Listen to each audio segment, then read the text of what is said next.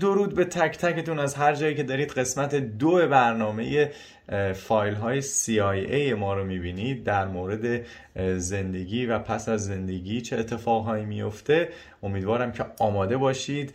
به خاطر اینکه چایاتون هم بیارید بذارید کنارتون چون که این قسمت خیلی سنگین تر از قسمت قبله و یادتون باشه هر جایشی که دوست دارید میتونید برگردین و دوباره تماشا کنید.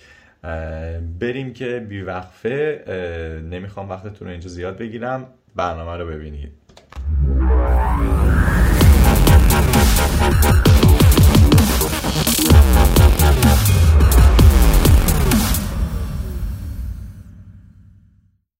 آها. Quality of consciousness. میگه که بیا این مقصد هم برگردونم. نوشته که اینجا خیلی جالبه. اول که توی یک جمله میگه که زندگی که ما داریم تجربه میکنیم چیه؟ یادت باشه این صفحه 19 یعنی 18 صفحه قبل از این به طور فشرده خیلی مطالب گفته که من همه اونا رو دارم به خاطر مزیقه وقت دارم اسکیپ میکنم. خب؟ این توی همین یه پاراگراف کوالیتی اف کانشسنس داره دو تا نکته بسیار مهم رو اشاره میکنه. اولیش اینه که زندگی که ما داریم تجربه میکنیم چیه؟ خب نوشته our consciousness. Therefore is that differentiated aspect of the universal consciousness which resides within the absolute. همین. این یک جمله حالا ممکنه الان معنی نده ولی من الان سعی میکنم یه خورده بیشتر راجبش توضیح بدم. این یه جمله گفتش که ما چرا اینجاییم؟ یه بار دیگه میگیمش our consciousness. Yani consciousness ما therefore یعنی بر این اساس بر اساس حالا حرفایی که قبلش زده مدارکی که ارائه داده is that differentiated aspect of the universal consciousness? یعنی میگه اون قسمت متمایز شده متمایز یا متفاوت متمایز یا اون قسمت مشخص شده یا یک قسمت کوچیکی از universal consciousness which resides within the absolute. Universal consciousness که توی absolute هست. اوکی یعنی چی؟ یعنی که تا حالا شنیدی که میگن همه ما یکی هستیم؟ خیلی. خیلی. همه خیلی, خیلی. همه هم اینو میگن ها. همه دینام حتی اینو میگن. دقیقاً. به خاطر اینکه اینم موضوع علمیشه که داره دقیقا همونو میگه. توی علمم هم دقیقا داره همونو میگه. میگه همه ما یکی هستیم. همه ما یک variation هستیم از یک کانشسنسی که همیشه هست. ما در زمان حال مثل مثل اینجوری بهت بگم. اقیانوس رو دیدی؟ Right. خب؟ موجای ساحل رو دیدی که؟ خب؟ موج که میاد کنار ساحل. که همه میرن روی موجا مثلا موج سواری میکنن. خب؟ هر موجی با موج کناریش با موج قبلیش با موج بعدیش متفاوته درسته؟ درسته. یکیش بزرگتر اقیانوسن. همشون اقیانوسن. اون موج از کجا اومده؟ از تو اقیانوس میاد بالا؟ مم. اینجوری میاد بالا دوباره میره کجا؟ میره تو اقیانوس. از توی آب میاد دوباره برمیگرده میره تو اقیانوس. یعنی ما ما به دنیا میایم بعد دو مرتبه میمیریم بعد دو مرتبه به دنیا میایم 100 درصد که توی بودا توی دین بودا بهش میگن رینکارنیشن یا تناسخ یعنی هر حالا جالبیش به اینه پس چرا یادمون نمیاد مثلا آها. قبلی چی بوده آها آفرین ببین خیلی نکته جالب اشاره کردی ماها یادمون نمیاد به خاطر اینی که نباید یادمون بیاد. به خاطر اینکه علتی که ما اصلا میایم به خاطر اینکه میخوایم یک تجربه جدید بکنیم. هم. اگر یادمون بیاد قبلا چه اتفاقی افتاده تجربه جدیدی نمیشه. هر زندگی رو که تو میای هر موجی رو که تو میای تو میخوای یه تجربه کاملا متفاوت بکنی. پوینتش چیه؟ مثلا آخر چی میشه؟ پوینتش اینه که نگاه کن توی absolute consciousnessی که اینجام داره میگه خب بهش میگه absolute consciousness. خب universal consciousness of absolute. Universal consciousness of absolute میشه توی علم بهش میگن quantum vacuum fluctuation. خب یا universal consciousness absolute. یا بعضیا بهش میگن خدا بعضیا بهش میگن گاد بعضیا بهش میگن الله بعضیا بهش میگن اسمای مختلف داره. تو هر فرهنگی یه اسمی داره. منتها اون ماده اولیه‌ایه که همه ماها داریم ازش میایم. منتها دین کاری که کرده اومده ما رو از این جدا میکنه. میگه شما جزو اون نیستید بچهش هستید. اون بالا بز... با پدر نشسته با یه چوب حواسش هست که پدرتون رو در بیاره اونور با کارهایی که میکنی. در صورتی که همه ما همه هستی همه چیزهایی که ما داریم دور و برمون میبینیم کاغذ من تو حیوان درخت همه چیزا همه ما از همون داریم درست میشیم خب؟ علتی که داریم میایم به خاطر اینه که تمام آینده گذشته حال همه چیزایی که اتفاق افتاده یا میشه اتفاق بیفته همه از توی همین داره از تو همین اقیانوسه داره هیمیت بیرون درسته؟ ام. حالا حساب بکن اینجوری بهش فکر بکن. این اقیانوس همه چی توش هست. همه اطلاعات هم توش هست. منتها تجربه نمیتونه بکنه. عشق توش هست. منتها نمیتونه عشق رو تجربه کنه. چرا؟ چون برای که تو بتونی عشق رو تجربه بکنی باید قلبت شکسته بشه تا بتونی عشق رو تجربه کنی برای اینکه قلبت شکسته بشه باید یک سناریو به وجود بیاد. یه نفر باید بیاد دهن تو صاف کنه. یه نفر دیگه میاد بعدا بهت عشق میده. تو الان عشق رو تجربه کردی به عنوان یک کانشسنس تجربه تو توی زندگی این بودش که بیای زجر رو بکشی بجنگی قوی تر بشی و به عنوان یک انسان فقط در این 100 سال تو یاد گرفتی که تجربه ای رو که تو کردی از اطلاعاتی که کانشسنس درونش داشته از مرحله تئوری اومده تو مرحله عملی هم. تنها حالتی که کانشسنس اون تمام اطلاعات وجود داشته توی دنیا میتونه تجربه بکنه یک چیزی رو تجربه بکنه اینه که بیاد توی دنیای فیزیکی تو دنیای فیزیکی همه چی اتفاق میفته دروغ عشق گریه خنده دزدی پول تمام احساسا هر چی خوبه هر چی بده همه اینا داره اتفاق میفته تنها حالتی که کانشسنس میتونه حس بکنه چه اتفاقی میفته که وقتی یک کسی هرت میشه اینه که یه کانشسنس فرم میاد یه نفر دیگر رو هرت میکنه. الان فهمید که هرت کردن یعنی چه حسی داره. میفهمی چی میگم حرفی که خودت هم به من توی صحبت خودمون زدی. گفتی اگر ناراحتی نباشه شادی معنی نداره. آره کانشسنس فقط همش پازیتیوه همش فقط عشقه. خدا میگن خدا عشق خدا همش پازیتیوه همش مهربانیه درست میگن بخاطر اینکه همش یک چیزه ولی تو همش اگر بذارنت توی یک بهشت بعد از ده روز دیگه میگی اوکی من دیگه چیکار کنم؟ دیگه بعدش سلام آفرین. اون بهشته باید یه زلزله بیاد یه رگبار بیاد رو سرت بعد میفهمی که وقتی رگبار نیست چقدر آفتابا حال داد. فقط تمام این هدف هستی اینه که تو تجربه های متوالی بیای بکنی. و نهایتش چی میشه نهایتش این میشه که consciousness یا absolute universal consciousness میخواد در تمام به خاطر همین است که مثلا ایلان ماسک که میشناسی نه ایلان ماسک مال اونر تسلا ماشین فروشی تسلا اوکی خب ایلان ماسک که از الان فکر کنم دومین یا سومین پولدارترین مرد تو دنیاست یعنی فوق العاده کانچسه و میدونه که جریان چیه.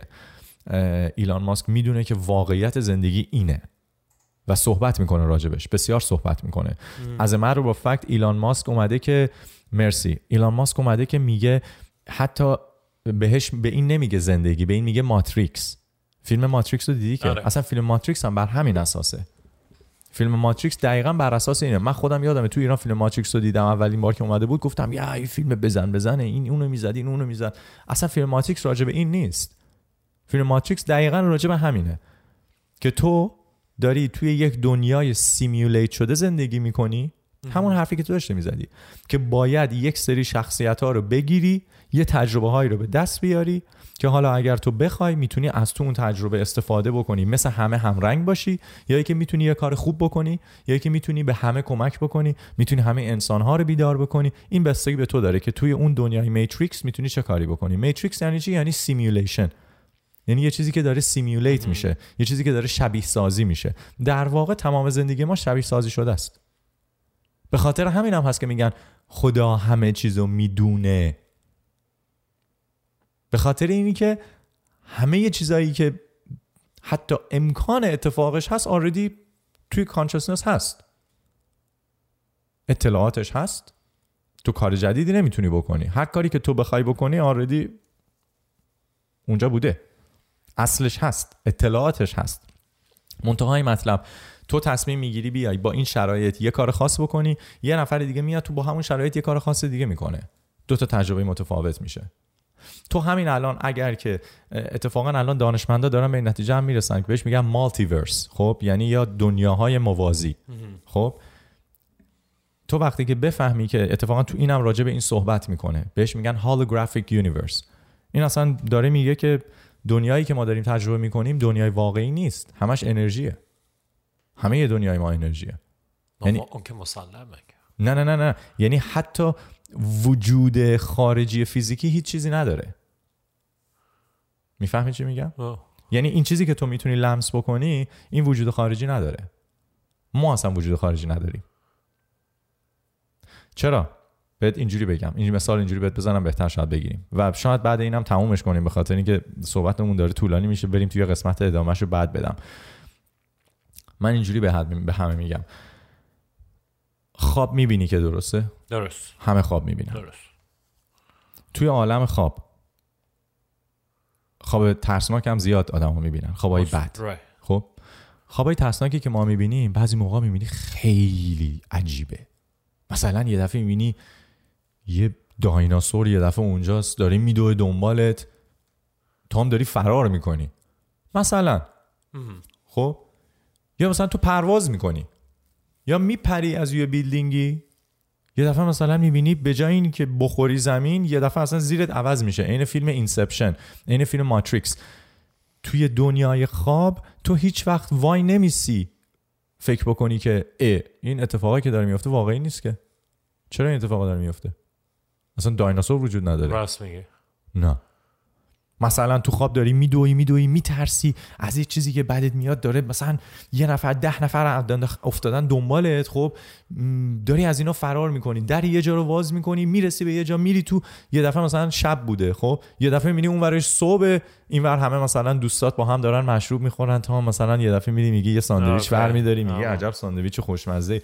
اصلا پیش خودت فکر نمیکنی که من چیکار داشتم پنج ثانیه پیش داشتم از دست ده نفر میدویدم که اونور درن رو شب بود. چرا یه دفعه اینجا شد؟ روز با دوستان دارم ساندویچ م... نه. تو ممکنه توی خوابت با یه حیوان صحبت بکنی. ممکنه بکنی. خیلی ها این کارو میکنن. اصلا هیچ وقت تو وای نمیسی بگی که مثلا من دارم چرا با این سگه صحبت میکنم؟ سگ که اصلا حرف نمیزنه. نه تو تو خوابت داری با سگ حرف میزنی. پس توی خواب هر اتفاقی که میفته تو هیچ وقت وای نمیسی از خودت سوال کنی بگی چرا این اتفاق افتاد؟ در اون لحظه برای تو واقعیه. درسته؟ هر اتفاقی که میفته برای تو در اون لحظه واقعیه. تا اینکه چه اتفاقی میفته از خواب بیدار میشی.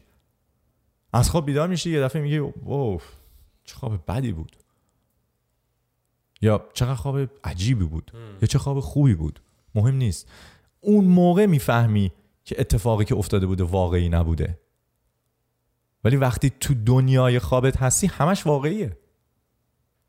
منتها در دنیای خواب وقتی ما میریم میخوابیم به خاطر اینی که دیگه جهان سبودی که ما داریم توش زندگی میکنیم وجود نداره گراویتی یا نیروی جاذبه دیگه وجود نداره مغز ما میتونه هر چی دلش بخواد کارهای عجیب و غریب بکنه. منتها کانشسنس ما که داره این تجربه رو میکنه در اون زمان هیچ وقت نمیگه اینا هیچ کدومش واقعی نیست کماکان داره مثل یه فیلمه داری تماشا میکنی و او چه جالب او چه جالب این دنیا هم همینه منتها ما یه لول توی خوابمون اومدیم بالا تمام تجربه‌ای که ما الان داریم میکنیم یک خوابه که بر اساس قوانین فیزیک این دفعه داره اجرا میشه. تنها فرقی که این خواب با خواب زمان خوابمون داره تو نگاه بکنی همه انسان ها یک سوم زندگیشون خوابن. تو خوابت هم تو همش داری هنوز خواب میبینی. یعنی کانشسنست هنوز داره تجربه میکنه زندگی رو.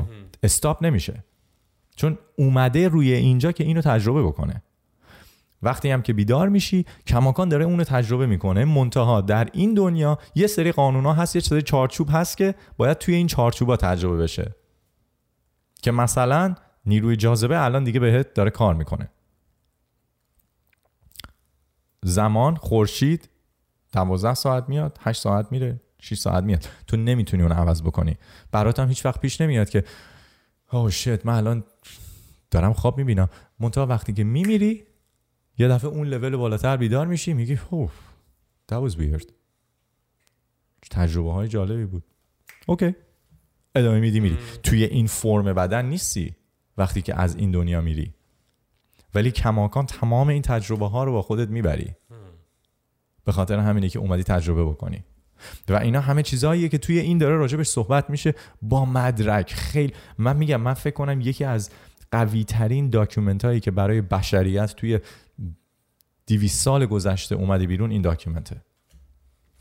و خیلی ها هستن خیلی خیلی از آدمای گنده هستن توی دنیای ساینس دنیای اسپریچوالیتی که راجع به این صحبت میکنن و میگن که این من تو ایرانیا تا حالا نشیده بودم اصلا هیچ کس این راجبش رو اگنالج کرده باشه به خاطر همین بود که خیلی دوست داشتم شروع کنم اینو صحبتش رو را بندازم که امیدوارم اونایی که انگلیسی بلدن خودشون برن و اینو شروع کنن مطالعه کردن و همون حرفی که تو زدی که این دیگه نهایتشه که خیلی به نظرم مهمه این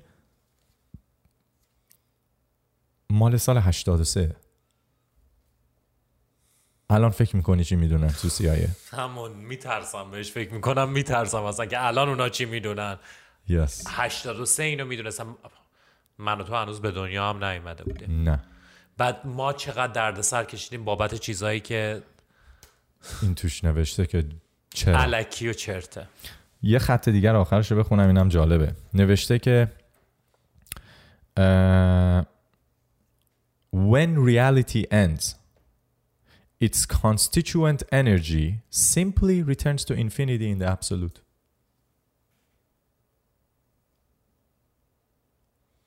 یا میگه وقتی که واقعیت تموم میشه واقعیت یعنی زندگی وقتی زندگی تموم میشه its constituent energy یعنی انرژی که بدن و الان در حال حاضر چی میگن نشسته توی بدن ما اون انرژی فقط برمیگرده به اینفینیتی یعنی همون absolute universal consciousness. و یه چیز دیگه هم میگه میگه the return of consciousness to the absolute does not imply an extinction of the separate entity which the consciousness organized and sustained in reality. یعنی وقتی که میمیری دلیل نمیشه که هر چیز اتفاقی که اینجا افتاده تموم شده تو هنوز این تجربه رو داری به خودت برمیگردونی یعنی کانشسنسی تو که اومده این تجربه ها رو کرده اومده که این تجربه ها رو با خودش برگردونه کجا به absolute consciousness به خاطر همینه که الان ساینتیست های لب لب نقطه کوانتوم فیزیکس که و کوانتوم مکانیکس مثل نسیم هرمیان که یکی از جینیس ترین آدم های این دنیا هست بهش میگن انشتین جدید ما تن بعد از انشتن ما دیگه نداشتیم کسی مثل نسیم که اتفاقا نصفش ایرانی نسیم. خیلی جالبه. آره خیلی جینیسه به این بیسیکلی به زندگی میگن فیدبک لوپ یعنی زندگی ماها رو میگن فیدبک لوپ میدونی یعنی که یعنی یه لوپی که فقط داره یه تجربه رو میاد میگیره برمیگرده تو خودش. میاد میگیره برمیگرده. همون جریان موج و اقیانوس دقیقاً.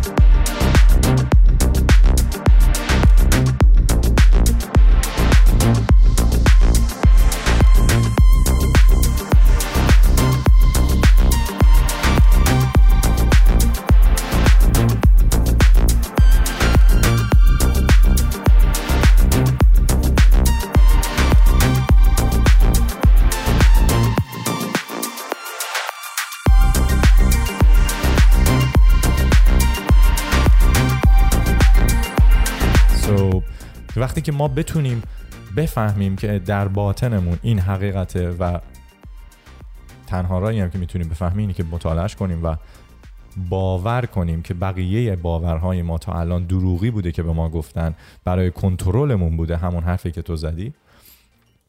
میفهمی که دیگه همه زندگی تو دست خودته. تو یه کانشسنس هستی یک فرمی از خدا هستی از اون نهایت هستی هستی. که اومدی اینجا یه تجربه رو بکنی. حالا چه جوری میخوای اون تجربه رو بکنی؟ میخوای توی درد زندگی بکنی؟ That's okay. به خاطری که خیلی هم میان توی درد زندگی کنن. میخوای توی شادی زندگی کنی؟ تصمیم توه. Right? یعنی بزرگترین مسئله اینه که مثلا تو میخواستی بیای کانادا؟ یه روز بلند شدی گفتی من میخوام بیام کانادا نه چقدر قبلش تصمیم داشتی از ایران بزنی بیرون نشستی تو زن گفتی من باید برم من باید برم اینجا جای من نیست چی شد اومدی کانادا به خاطر که هی نشستی به خودت گفتی من اینجا نمیتونم باشم درسته و چون به خودت گفتی نمیشه یک راه دیگه هست یه راه دیگه واسط باز شد زندگی همینه تو یک فرم کانشسنس هستی که میتونی هر تجربه ای رو بخوای تو زندگی بکنی من پوینتش رو نمیتونم بفهمم. یعنی هر چی اوکی ما هی میایم این تجربه ها رو به دست میاریم که چی بشه. که نهایت نهایتش تمام تجربه های مثل اینی که من به تو بگم تو تو یه کتاب رو میخونی که چی بشه؟ که بتونی توی زندگی روزمرت از کتاب استفاده کنی دیگه درسته؟ تمام اطلاعاتی که تمام اتفاقای وقایعی که داره توی از اول تا آخر هستی میفته من میگم میلیاردها سال نوری همش توی کتاب هستی توی اون ابسولوت کانشسنس وجود داشته منتها اگه این فیلم درست نمی شده فقط یه نوشته بوده الان یه فیلمه ماها بازیگر فیلمیم پوینتش اینه که داریم تجربه میکنیم این زندگی رو و اشکالمون اینه که بر اساس باورهایی که به ما دادن فکر میکنیم یه دستیه که به ما توی بازی دادن و میگن این دست توه تو این زندگی در صورتی که اینطوری نیست. تو تو یک ری، تو یک ایدریشن از کانشسنس هستی. پوینتش هم اینه که تو اومدی زندگی رو تجربه کنی. تجربه زندگی شیرینه. زندگی خیلی قشنگه. زندگی بسیار بسیار قشنگه. زندگی زندگی خیلی ها هستن از زندگی متنفرن. خیلی ها هستن که زندگی جون خودشون رو میگیرن. به خاطر اینی که فکر میکنن زندگی دیگه معنایی براشون نداره. درسته.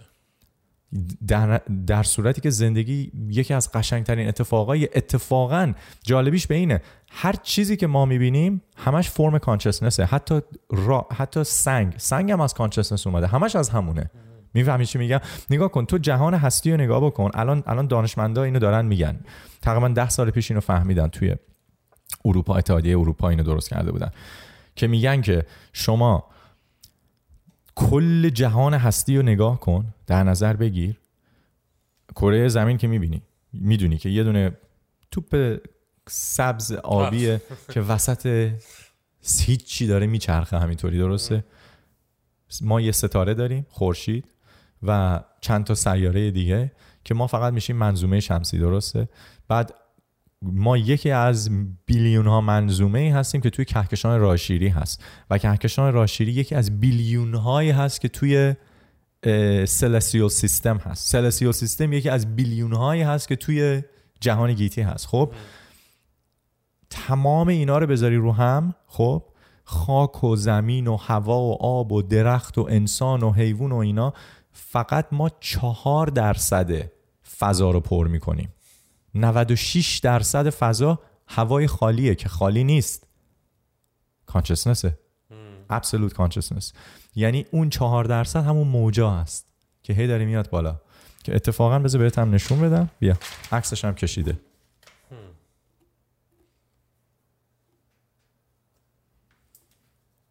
اینجا میشه وایت هول میبینی؟ همه چی از اینجا اینجوری شوت میشه میاد بالا دوباره عین موج بر میگرده پایین دوباره میاد بالا. اصلا خیلی بهت میگم این این داکیومنتی که اینا ریلیز کردن یکی از عجیب ترین داکیومنت هاییه که اینها اینجا هم هست.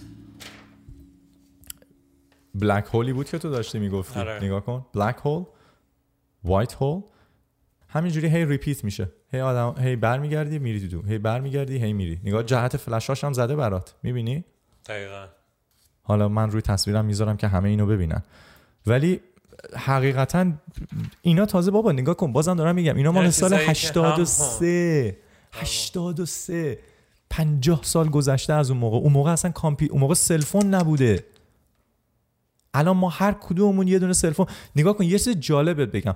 اولین سفینه ای که فرستادن انسان ها به کره ماه خب؟ کامپیوتری که اون سفینه رو کنترل میکرد سلفون من از اون قوی تره. باورت میشه؟ ما هر کدوممون یعنی با این میتونیم یه دونه سفینه درست بکنیم بریم کره ماه.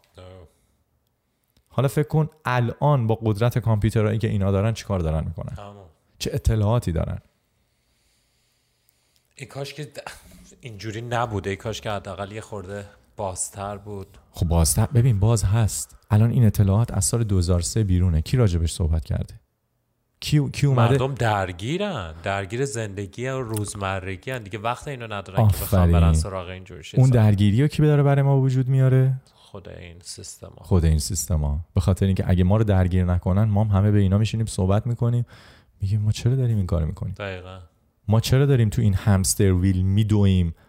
من برم لاین آف کردیت بگیرم مورتگیج بگیرم خونه رو مثلا شما بزنید زیر اسم من که من سی سال برم کار, کار بکنم برده شما بشم که فقط نهایتش بگم یه خونه به من دادید. برم یه ماشین اوکی. تو که میدونی تو کانادا هر ماشینی دلت بخواد میتونی بگیری. اوکی.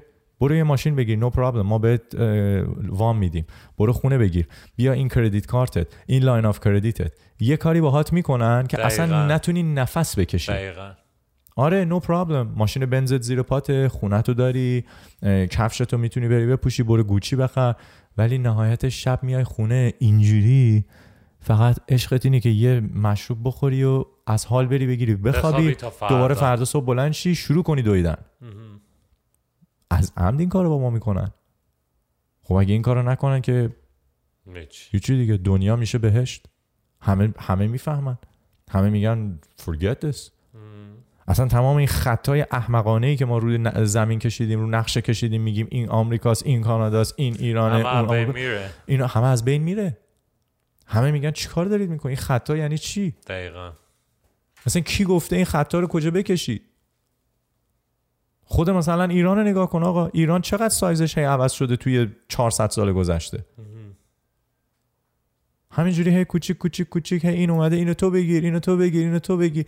بعد اگه مثلا تو این ور به دنیا بیای کردی. اگه اون ور به دنیا بیای ترکی, ترکی. اگه این ور به دنیا بیای میدونی اینا همه اسماییه که ما داریم خ... اینا دارن روی ما میذارن. بعد آقا شما کردی شما واسه اونا جوک بگو. شما کردی ترکی شما واسه شیرا فارسا جوک بگو. شما فارسی واسه بلوچا جوک بگو. میدونی همه رو بریزم به جون هم؟ یا هیچ کس اصلا فکر نکنه که من چرا دارم به یه برادر هموطن اصلا و هموطن هم معنی نداره. ما همه رو کره زمینیم. ما همه یه فرم کانشسنسیم اومدیم یه تجربه بکنیم بریم. هممون. آره. حالا این بهایی این هموسکشوال این نمیدونم برای هر کس ه... یه چیز یه باکس های انقدر باکس درست کردن که هر کدوم بذارن توی یه باکس که مردم رو فقط بر علیه هم بذارن دقیقا آقا تفرقه به اندازه حکومت کن واقعیه باید تفرقه بندازن مسلما الان اتفاقی هم که تو ایران داره میفته دقیقا همین قضیه دقیقا همینه یه سیستم احمقانه داره حکومت میکنه چون تونسته تفرقه بندازه بین مردم. 100 درصد. مردم از هم میترسن مردم از هم فراری هن. هی, هی اعتماد به همدیگه رو کم بکنن. میدونی چی میگم؟ یعنی مسئله اساسی اساسی اینه که همه این دروغا رو که دارن به ما میگن تمام اطلاعاتی رو که از ما دارن قایم میکنن برای کنترله. کنترل کی؟ هزار تا خانواده توی دنیا که بله. تمام پول دنیا دست اوناست. خیلی جالبه. 8 تا از پولدارترین آدمای دنیا 50 درصد پول تمام دنیا دستشونه. 8 نفر. 8 نفر. این احمقانه نیست. بعد ما یه آدمایی داریم که یه بچه هایی داریم توی آفریقا توی ایران که آب خوردن ندارن. باید برن آبی رو بخورن که دیدی دیگه توی برنامه ببین تیوی. چشمه ای رو میرن آب میخورن که خره تویش اونور داره دستشویی میکنه و اینم داره آب میخوره. بعد 5 8 نفر تو دنیا 50 درصد پول دنیا دستشونه. خب اگه اینا بیان این حرفا رو به همه تو مدرسه ها یاد بدن چه اتفاقی فکر می‌کنی میفته هیچی دیگه از همون بچگی کی میاد یه آدمی رو به خاطر اینی که هویت خودش رو بر اساس اون قطیا نمیدونه بی احترامی کنه همه به هم احترام میذارن. میگه تو دوست داری باشی باش. اصلا این ماجرای مرد بودن و زن بودن هم جزء همین ماجراست. دقیقا جزء همینه. اوکی تو یه فرم کانشسنسی اومدی و تو الان حست این نیستش که توی اون باکسی باشی که اینا میگن باش. میدونی چی میگم؟ دقیقا. یعنی اتفاقا اینا رو توی زندگی واقعی اگه بدونی خیلی توی فهم دنیا بهت کمک میکنه. توی هر مشکل دنیا میتونی اینا اپلای بکنی. میدونی اینا رو بخوای به زبون ساده برش گردوندن و به مردم توضیح دادنش خیلی سا... کار آسونی نیست. یکی از علتهاش اینه که ببین یه چیزی من بگم. ما تو مدرسه این همه درسای مزخرفه. نمیدونم. تاریخ و جغرافیا و قرآن و نمیدونم دین و حالا تو خارج از ایران باشی حقوق و فایننس و کلکولس و الجبرا میخونیم بابا اینا که دیگه از الجبرا و کلکولس سختتر نیست که. الان من به تو توضیح دادم. گرفتی؟ درسته تو اگه خودت بخوای اینو بری بخونی شاید بخوای بری همون سه کتاب منو بخونی وقت نداری بخونی. هدف این برنامه هم همین بود.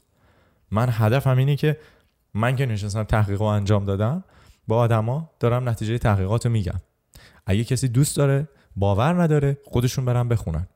خودتون برید تحقیق بکنید کوانتوم مکانیک رو بخونید فیزیک پایه رو بخونید و میشینید میفهمید. میفهمید 50 سال پیش دولت آمریکا چه میدونسته. اونایی هم که باورشون میشه اگه به زندگیشون کمک میکنه چه بهتر؟ ما همه چیزو دلیل نداره تو زندگیمون خودمون بریم تحقیق کنیم یاد بگیریم. میدونی چی میگم؟ قبل از 15 میلیون سال انسان ها داشتن زندگی میکردن قبل از ما. میدونی چقدر تجربه بوده؟ بابا این اهرام سراسری مصر رو امروز دانشمندا میگن ما نمیتونیم بسازیم با تکنولوژی امروزمون. نمیتونن. اصلا نمیدونن چطوری. یه دونه سنگ سه میلیون سنگ رو هم جمع کردن یه دونش سه تن وزنش. بعضیاش حتی 20 تونه اصلا میگه ما جرثقیلامون بلند نمیکنه اینو. حالا چه خاصه بذاریم بریم اون بالا؟ اینی که نمیدونم اینا برده داری کردن و برد مگه میشه؟ تو چند تا امروز با جرثقیل ما نمیتونیم ببریم. برده بیاد اینو ببره بالا. نه بابا اونا تکنولوژیشو داشتن. علمشو داشتن. مال ده هزار سال پیش بوده. حالا آره همه رو اومدن از بین بردن. یه سری آدم اومدن و گفتن که اینا همش بردهداری بود و خدا واقعیت و مردم بترسید. برید به خونه هاتون. به حرف ما گوش کنید. تمام جنگایی که هنوز داره میشه از سر دینه از سر پوله از سر نفته از سر منا... منافع سیاسی اقتصادی. هیچ کدومش به خاطر مسائل بشر. اصلا بشر دوست بشرات با هم جنگی ندارن. تو هزار نفر آدمو بذار با هم توی فستیوال. کی هم دعوا میکنه هیچی پراید پرید بزرگترین فستیوال خیابونی تورنتوه من هیچ وقت یادم نمیره سال 2015 یک میلیون آدم واسه یه پراید اینترنشنال بود من نمیدونم تو اون موقع بودی یا نه اینترنشنال فکر کنم 15 یا 16 2015 بود 2015 بود چون من خیلی هم شلوغ بود اصلا وحشتناک شلوغ بود آره. یه میلیون آدم تو خیابون یه دونه خون از دماغ یه نفر نریخت اصلا انسان ها با هم مشکلی ندارن همه با هم داشتن عشق حال به هم بغل میدادن همدیگر رو بوس میکنن همدیگر رو محبت میکنن انسان اونطوریه منتها تو بیا یه چند تا از این مذهبی های اکستریم و بنداز وسط اینا خب معلومه که اونا شروع میکنن دعوا آره دیگه باورهای غلط دقیقا. باورهای دروغ دقیقا. تمام بدبختی انسان ها بر همین اساسه حرفایی که به ما به دروغ گفتن و ما بدون اینکه سوال بکنیم گفتیم بله درست میگی شما همون حرفی که سر صحبت خودمون زدیم دقیقا خیلی ها تو اون سیستم منو به قول تو 50 سال پیش طرف گی بوده به زور زنش دادن گفتم برو بچه هم بیار یا لزبیان بوده شوهرش دادن گفتم بچه هم بیار بدبخت خب این ده هنوز الان دیپرشن داره اگه دیپرشن نداشته باشه خودکشی نکرده باشه دیگه شانس آورده میدونی؟ واقعا. یعنی ماجرای این اینه که بحث سنگینی هم نیست. بحث فهمیدنیه.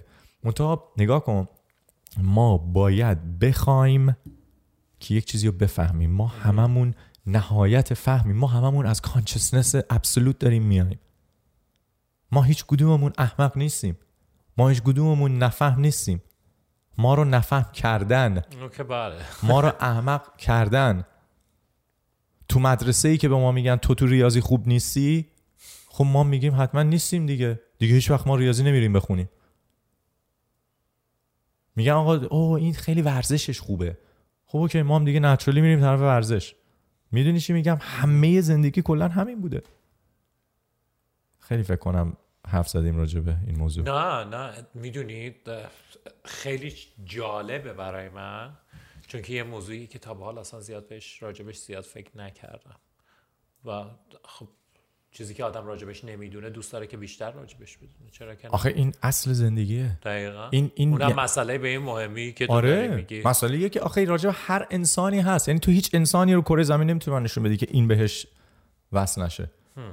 عزیزمون میمیره چرا ما میشینیم میزنیم تو سر خودمون گریه میکنیم؟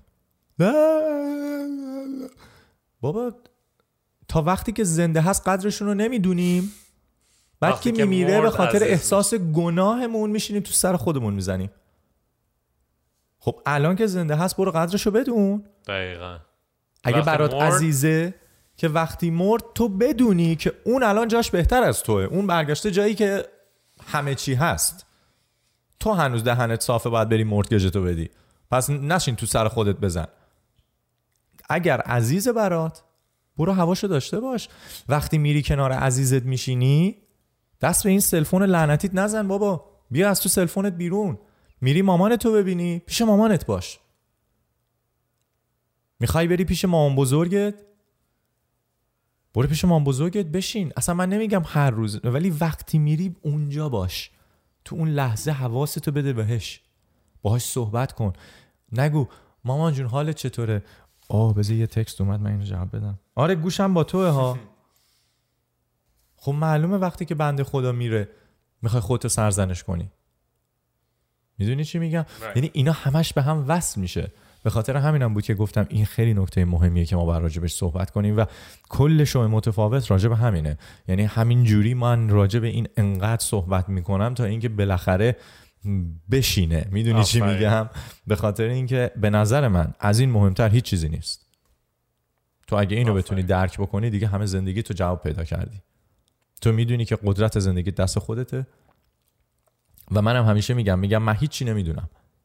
من هیچی نمیدونم من هیچ ادعایی ندارم پیشرفتت میشه اتفاقا من هیچ ادعایی ندارم هیچی بلد نیستم اگه یه نفر بیاد به من یه مدرک جدیدتر از این بده میگم تو درست میگی اون جدیدتره درسته میدونی چی میگم آقا از انشتین که ما دیگه نداریم که آدم باهوشتر که گفت من هر چی بیشتر یاد میگیرم بیشتر میدونم که هیچی, هیچی نمیدونم. نمیدونم دقیقا اون آدمی که میاد میگه من بلدم من بلدم آدمی که هیچ حالیش نیست که چقدر زیاد داریم از این آدم ها این روزا متاسفانه بله دیگه به خاطری که دو تا چیز رفتن از حفظ کردن. حالا فکر میکنن چون که از حفظ کردن دیگه الان جواب همه چیز رو از تو اون میتونن در بیارن.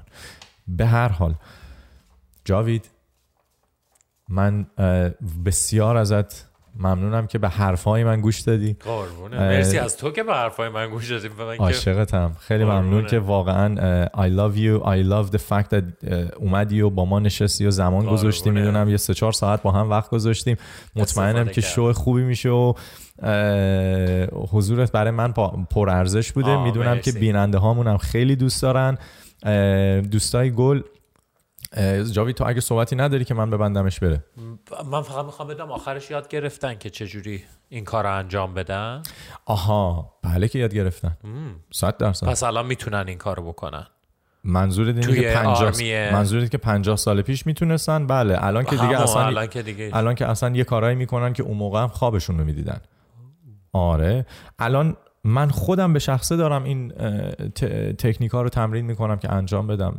به خاطری که بهت میگه باید چیکار بکنی. قشنگ بهت مرحله به مرحله گفته چیکار کن. تو خدا تو خونه ما نیایا ما همیشه لختیم.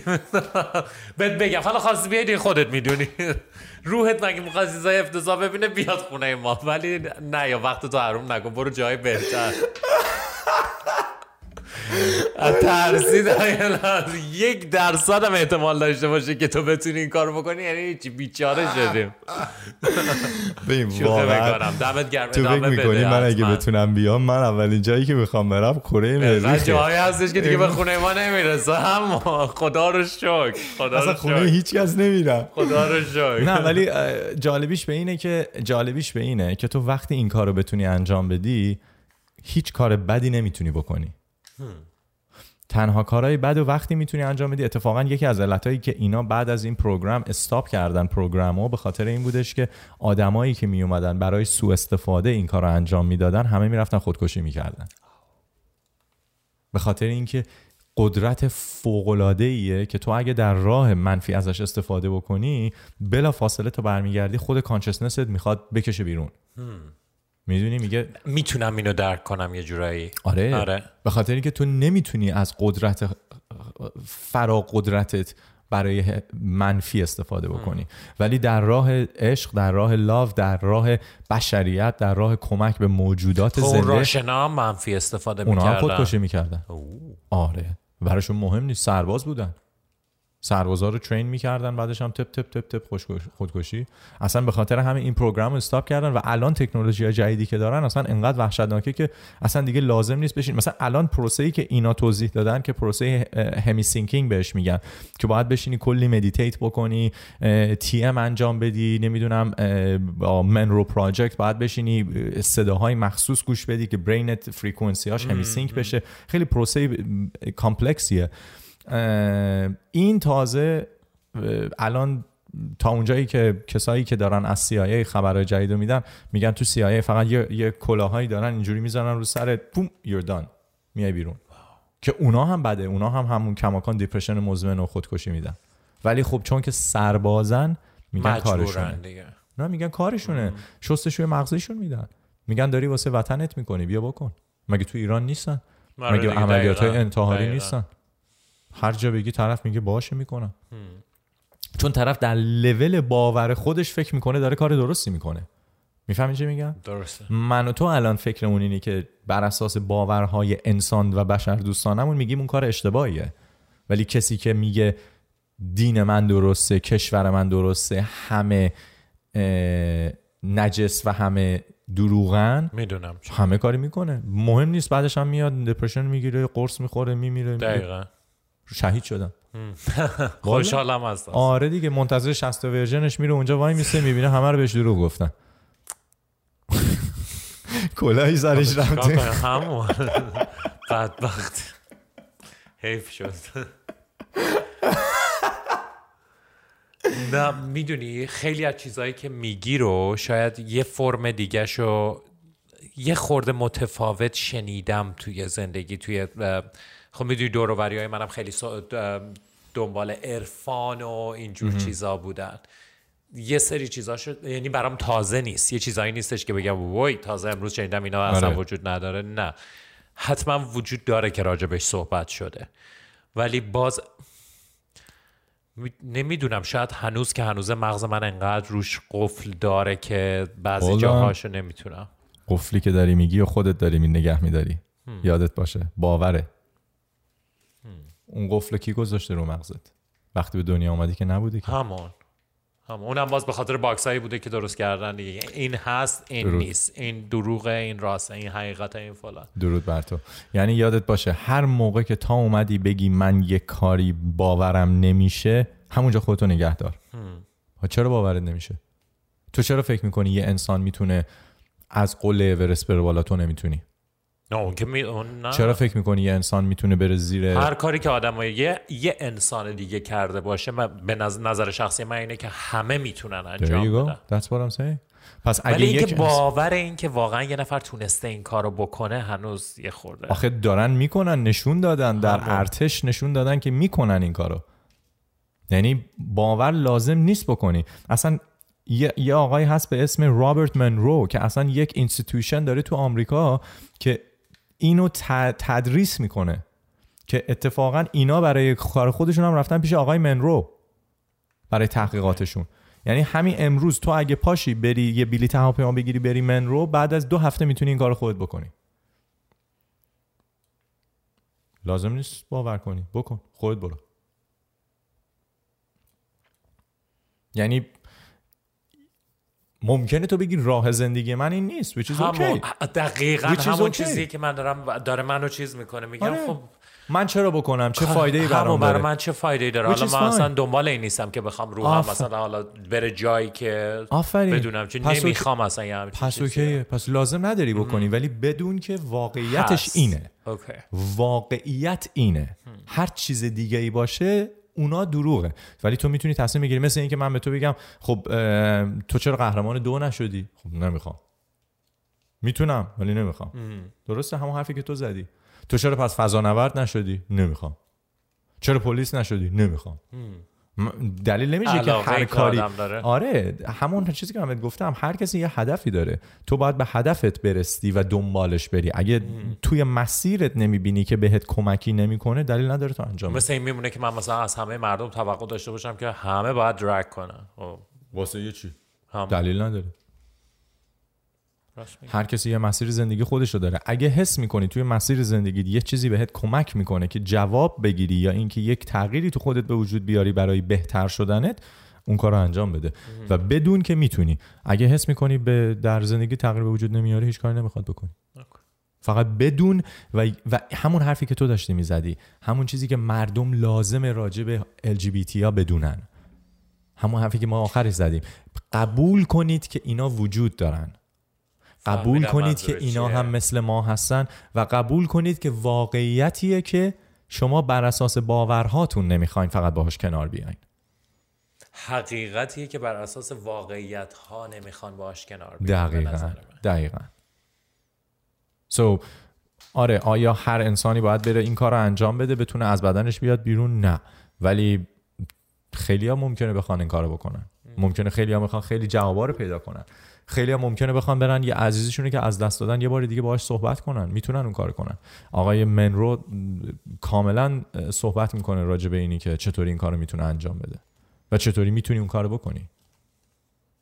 باز من پوینتی توش نمیبینم ولی بعضیا میکنن. مگه آدمایی نیستن میرن پیش فالگیرا میگن مامانمون فلان شده بچه خواهرمون فلان شده ببین چی داره میگه.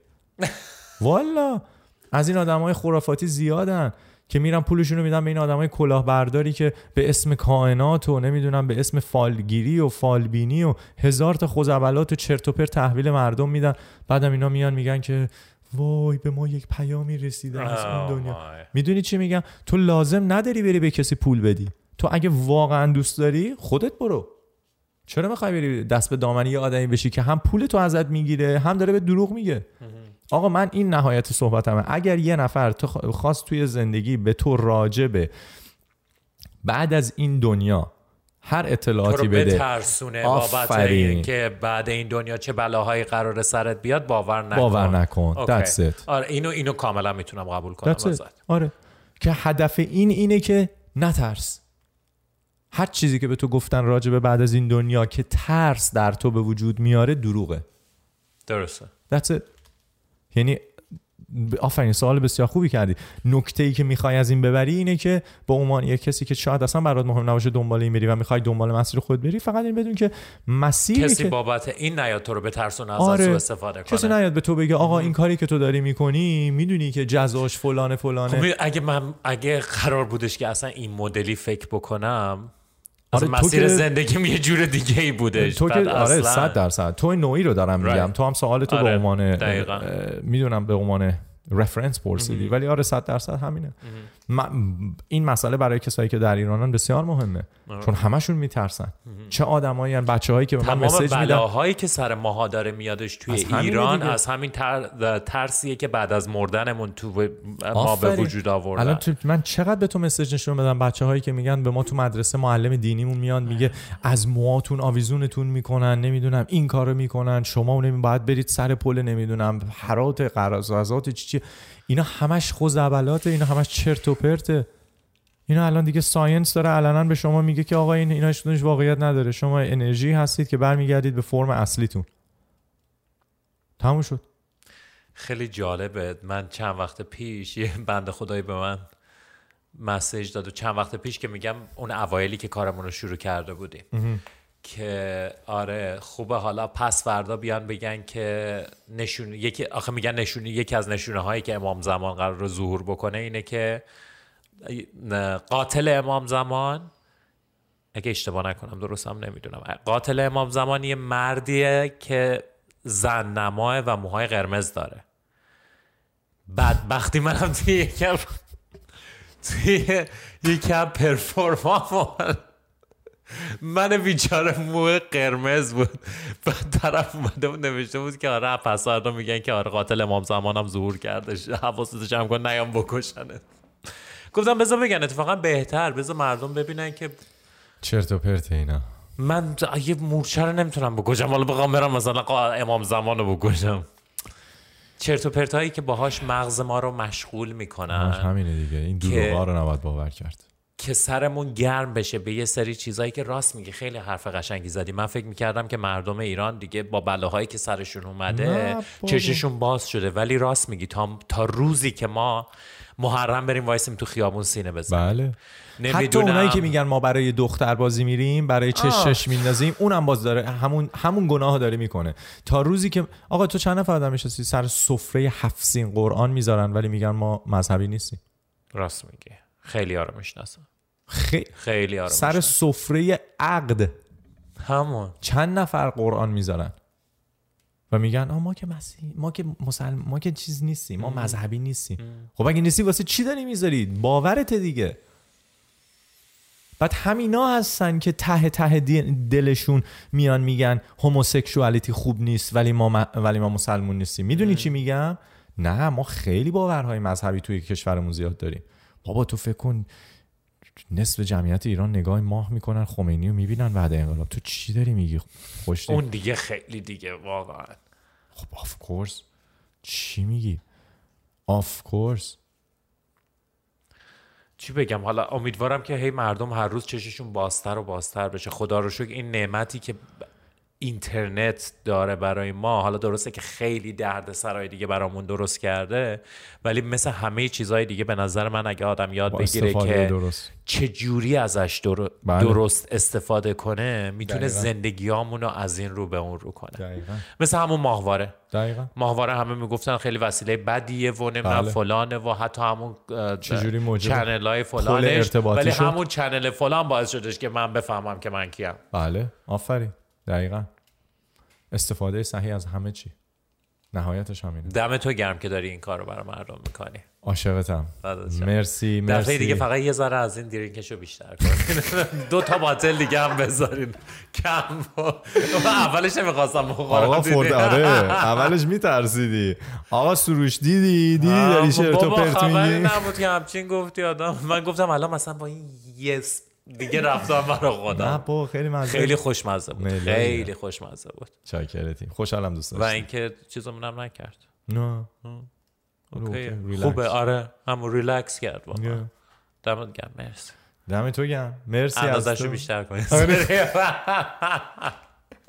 دمت گرم مرسی خیلی ممنون متشکر بریم با رپاپ پیام دمت گرم مرسی از کمکی که مثل هر هفته به ما کردی دوستای گل یادتون باشه برنامه متفاوت رو ما سعی میکنیم هر دو هفته یک بار بدیم بیرون اگر که یک بار دیگه برنامه منو با جاوید در دوره همی ویژمون ندیدید لینکش رو میذاریم حتما برید نگاه بکنید و سابسکرایب بکنید پایین براتون کلی برنامه های شاد خوب مدیتیشن و یوگا و ورزش داریم میاریم با آدم های متخصص. میخوام حال روحتون رو بهتر بکنیم و بهتون کمک بکنیم که روزهاتون رو بهتر شروع بکنید. پس اون دکمه رینگ رو هم بزنید که وقتی ما ویدیو میذاریم براتون نوتیفیکیشنش بیاد. و نظراتون هم به من بدید. ببینم که شما چی فکر میکردید راجع به صحبتی که داشتیم. و that's it. شب همگیتون خوش روزتون به خیر هر جایی که هستید هر وقتی که دارید ما رو میبینید. شاد و زیبا و پیروز و پر انرژی و مثبت و خوب باشید. همه این چیزایی که عرص گفت همونا. شبتون بخیر.